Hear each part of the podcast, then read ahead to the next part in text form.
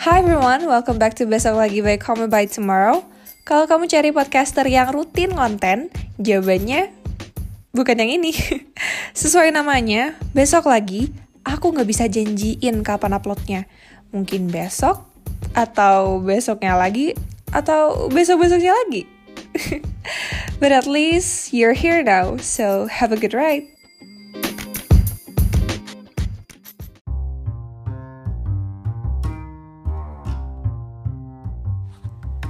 Untuk episode kali ini, aku punya konten yang benar-benar isinya wow, keren banget gitu. Karena ini sukses untuk membuat mindset aku jadi belok gitu yang awalnya kiri jadi kanan gitu kan.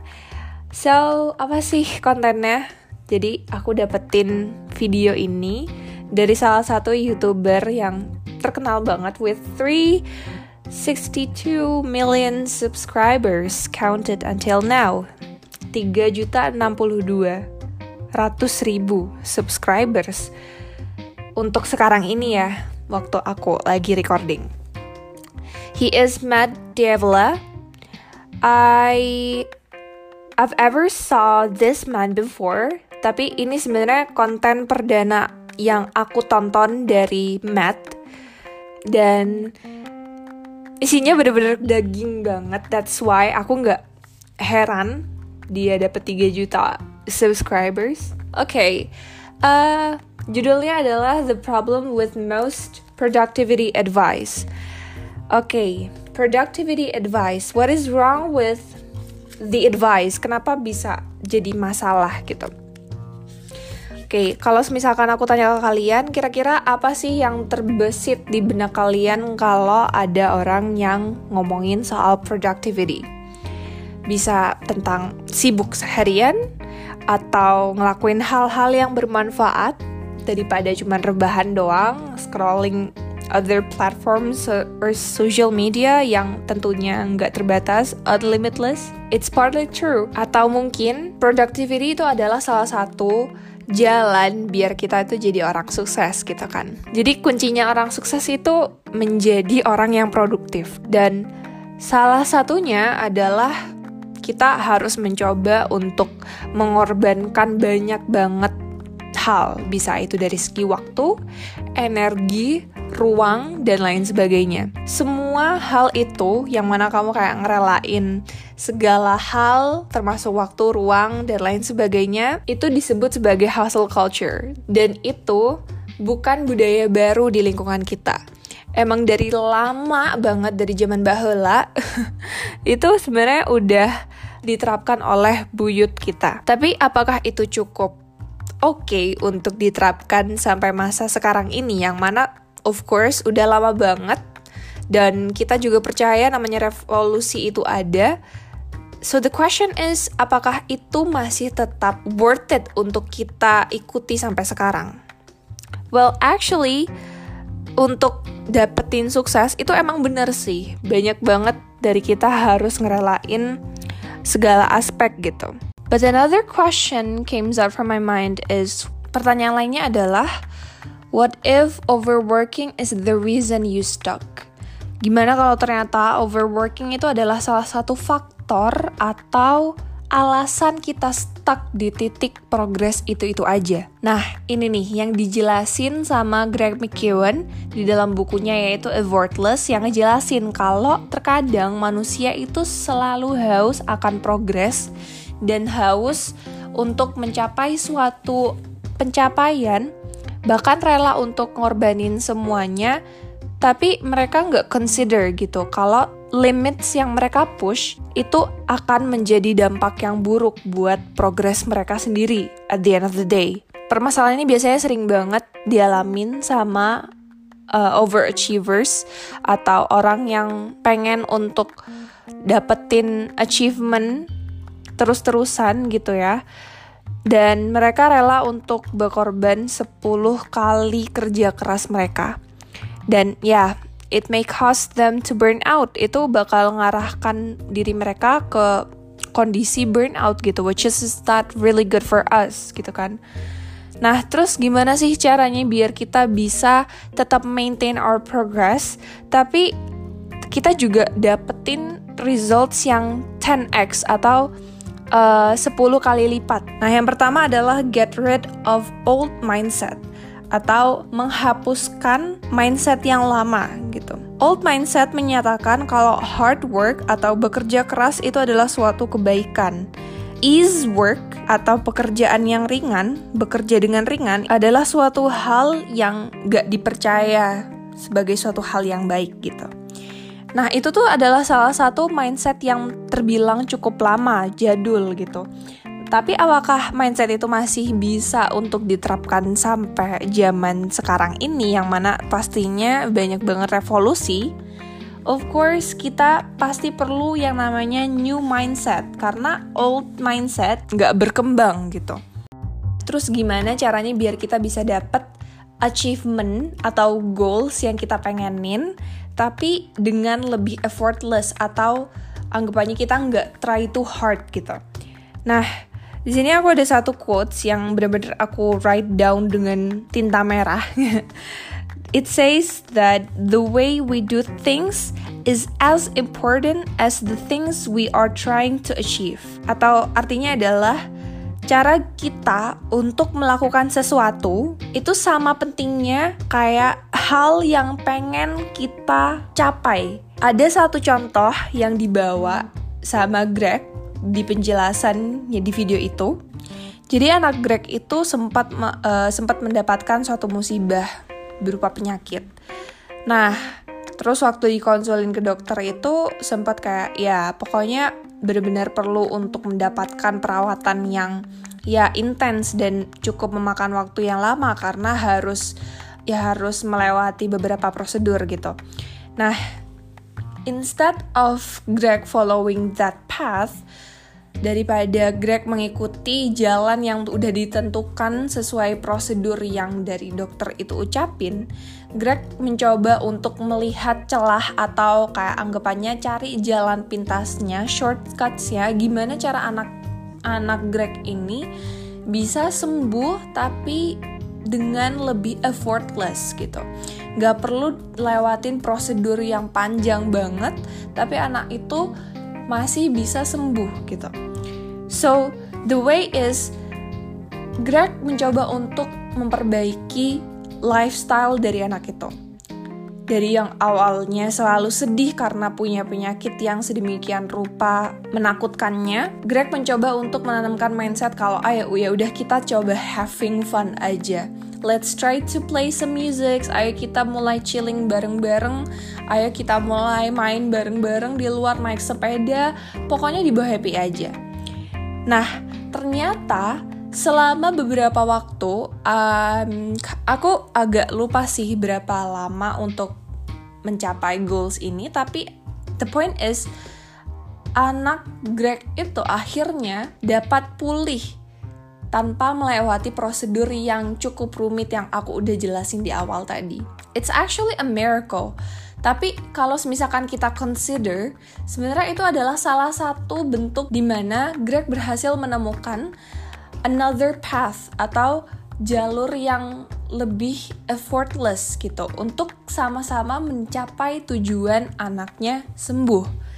Itu kan? Nah, that's why kita juga harus memperhatikan the way we do things atau apa pun yang kita lakukan untuk mencapai suatu tujuan itu sama importantnya atau sama pentingnya kayak apa yang pengen kita capai gitu. That's the thing you have to consider.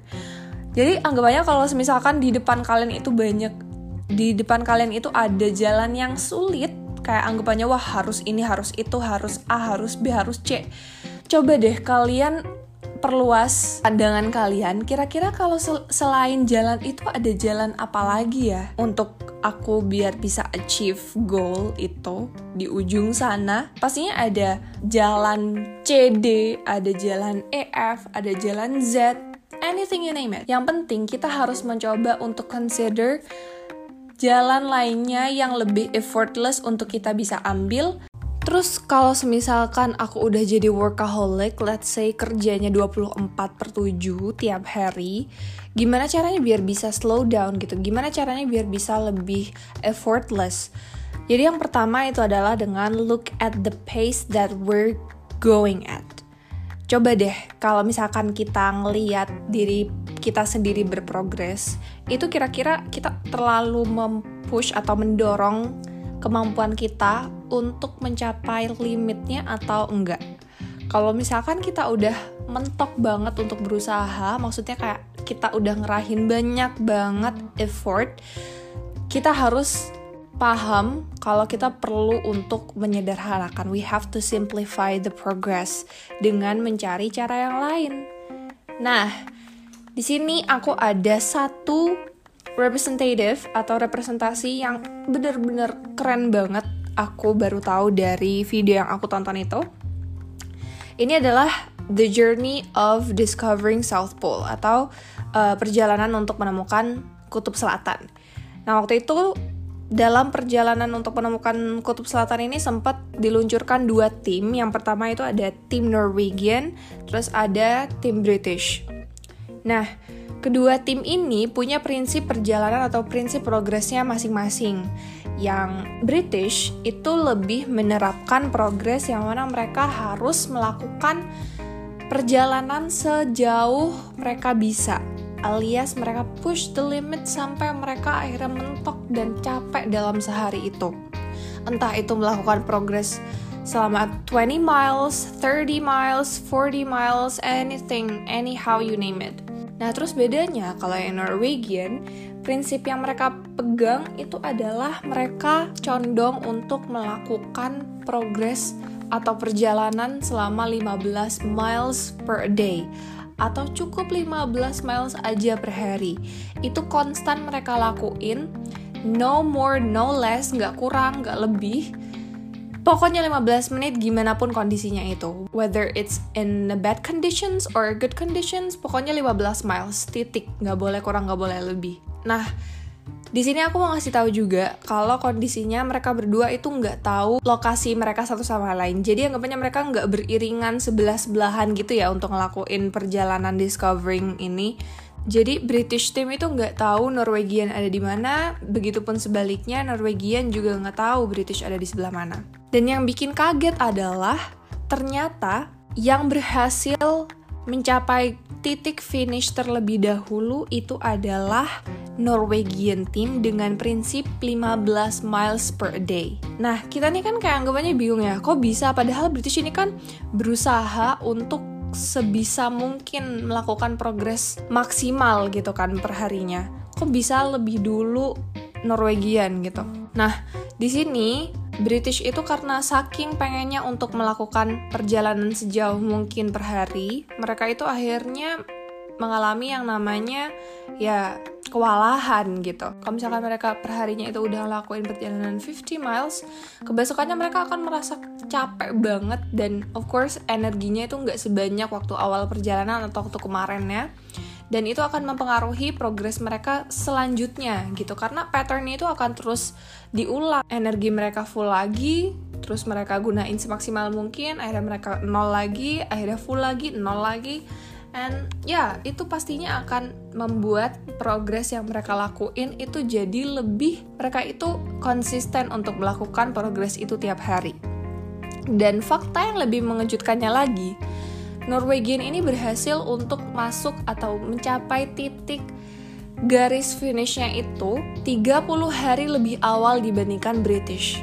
Itu bener-bener kayak shocking banget kan ya. 30 days, it's a lot. Kayak itu bener-bener sebulan mereka lebih dulu daripada British. Jadi anggapannya perbedaan prinsip yang mereka pegang itu akan sangat berpengaruh terhadap hasil akhir yang akan mereka dapatkan. At the end, British itu juga nyampe di titik finishnya. Tapi ya itu tadi, 30 days late.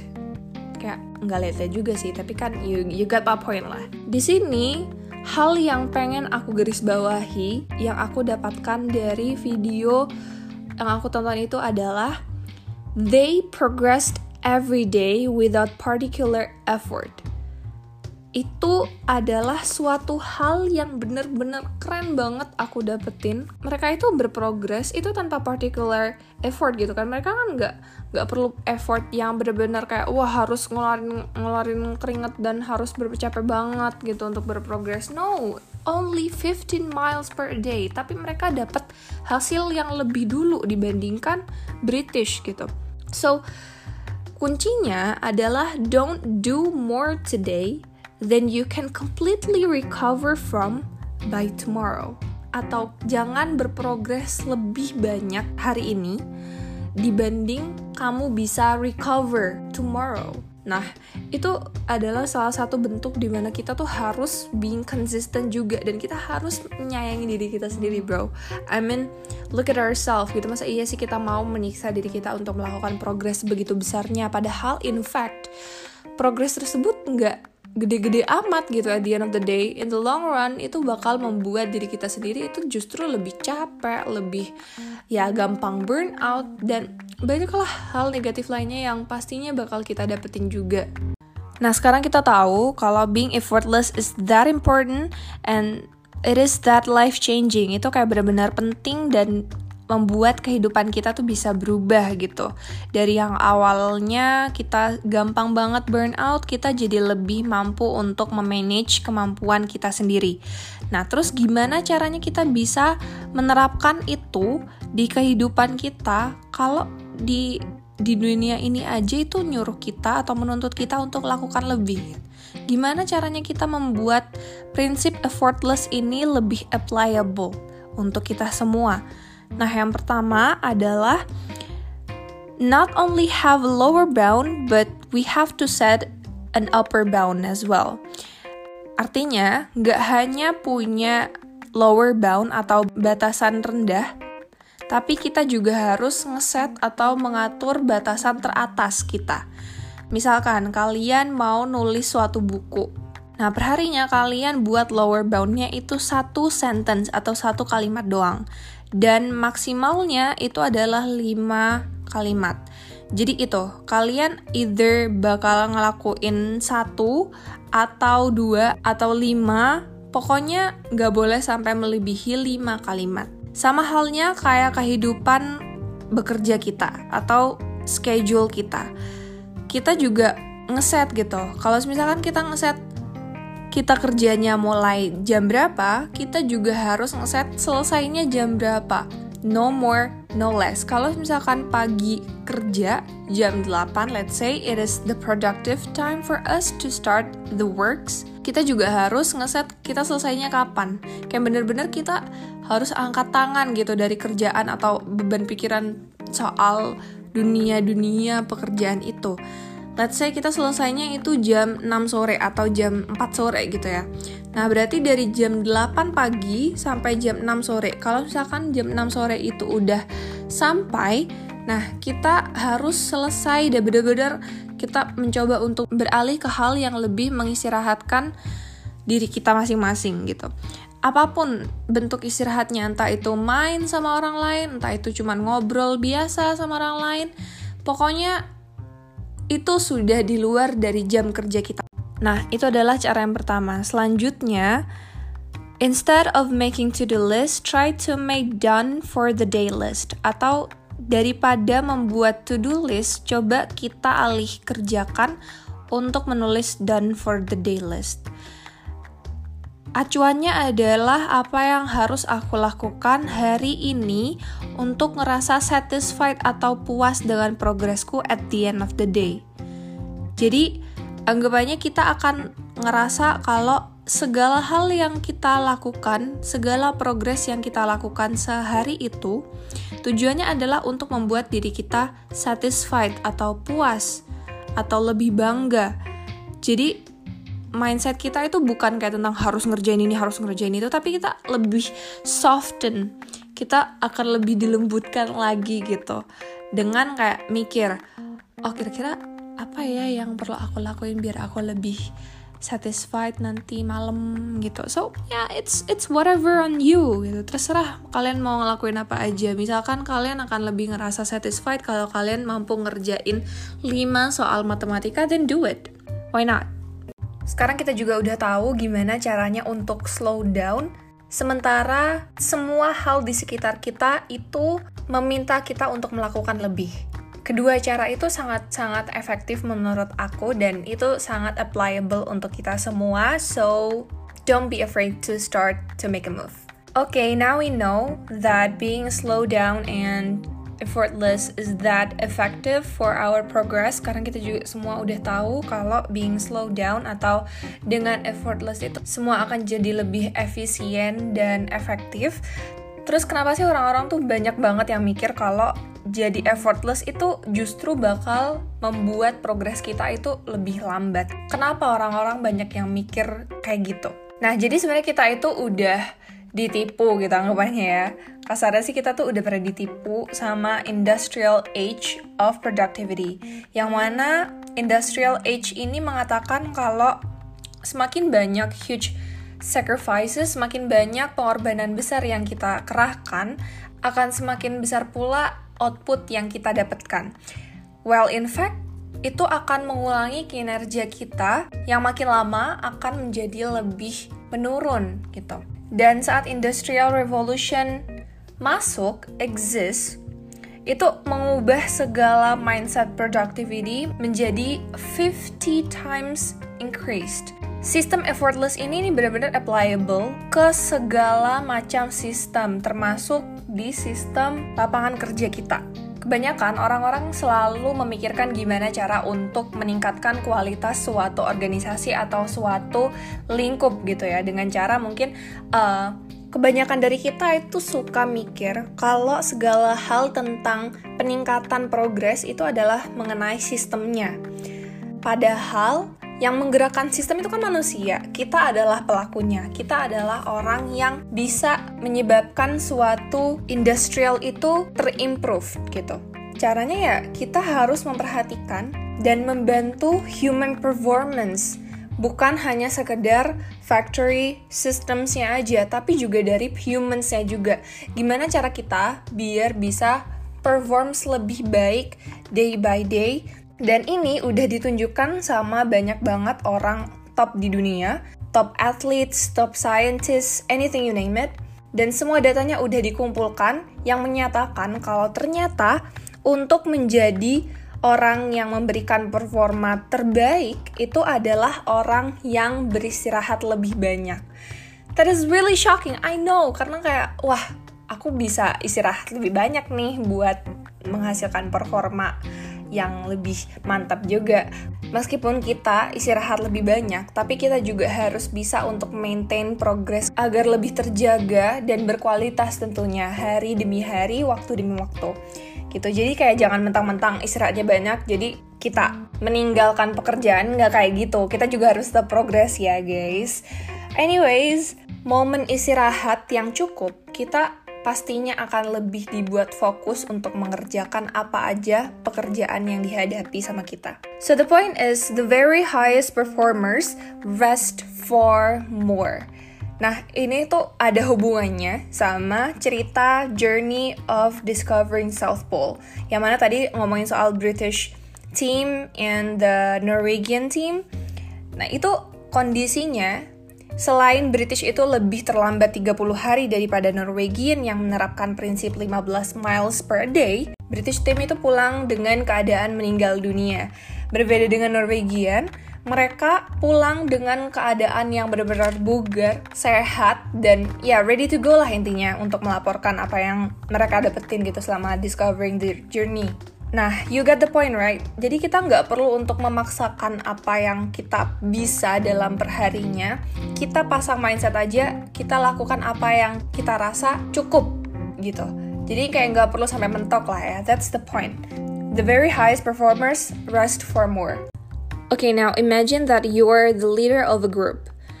Dan di sini kamu ingin mencoba untuk menerapkan prinsip effortless ke dalam tim kamu. And then what would you gonna do? Yang pertama, yang sangat dianjurkan adalah of course kita mencoba untuk membangun jadwal kapan untuk selesai, kapan untuk istirahat, dan kapan untuk memulainya lagi. Tapi nggak cuman will go and rest, guys, nggak cuman gitu aja. Karena bisa aja orang-orang yang kerja bareng kita atau in the same group itu ternyata adalah seseorang yang bahkan nggak tahu gimana caranya beristirahat Their competence at rest is zero in a scale from 1 to 10. Dan orang-orang yang seperti itu akan condong untuk merasa uncomfortable to suddenly take a rest karena mereka ya nggak sebelumnya nggak pernah merasakan yang namanya istirahat di jam kerja. So the solution is solusinya adalah kita harus mencoba untuk memahami competence mereka gitu. Yang mana mereka benar-benar zero competence in resting gitu. So Selain dari kita memahami dan mengakui bahwa kompetens dari mereka itu benar-benar zero, kita juga harus membangun yang namanya ritual. Ritual ini maksudnya apa nih? Bukan kayak ritual muterin lilin, no, not like that. But kita mencoba untuk mengajak mereka untuk melakukan kegiatan atau hal yang lebih spesifik dalam artian resting. Jadi kita tuh lebih ke mendefinisikan resting itu apa melalui ajakan gitu. Contohnya, Oke, okay, now that's it guys. Kita coba untuk uh, refresh our mind dengan coffee talk di cafeteria karena ya kita juga butuh untuk ngobrol lah ya biar otak kita jernih. You can do that. Itu menjadi salah satu arahan yang sangat jelas terlebih kepada orang-orang overachievers. Oke, okay, jadi semoga kita semua bisa menerapkan prinsip itu tadi agar bisa lebih applicable di suatu tim yang mungkin suatu saat bisa berguna gitu ya. Gimana pun juga, the point is not to be perfect. Poinnya adalah nggak jadi sempurna. Tapi ini adalah cara gimana kita untuk lebih mendekatkan diri dalam mencari apa arti kebahagiaan, seraya membangun apa arti kehidupan yang berarti. Sekali lagi aku tekankan, kalau misalkan kita dihadapkan sama banyak banget hal di hadapan kita, coba deh kita pikirin, what if this were effortless? Gimana kalau ini lebih effortless. Okay, maybe that's all. Thank you so much, guys, for listening up to this episode. Call me by tomorrow signing out.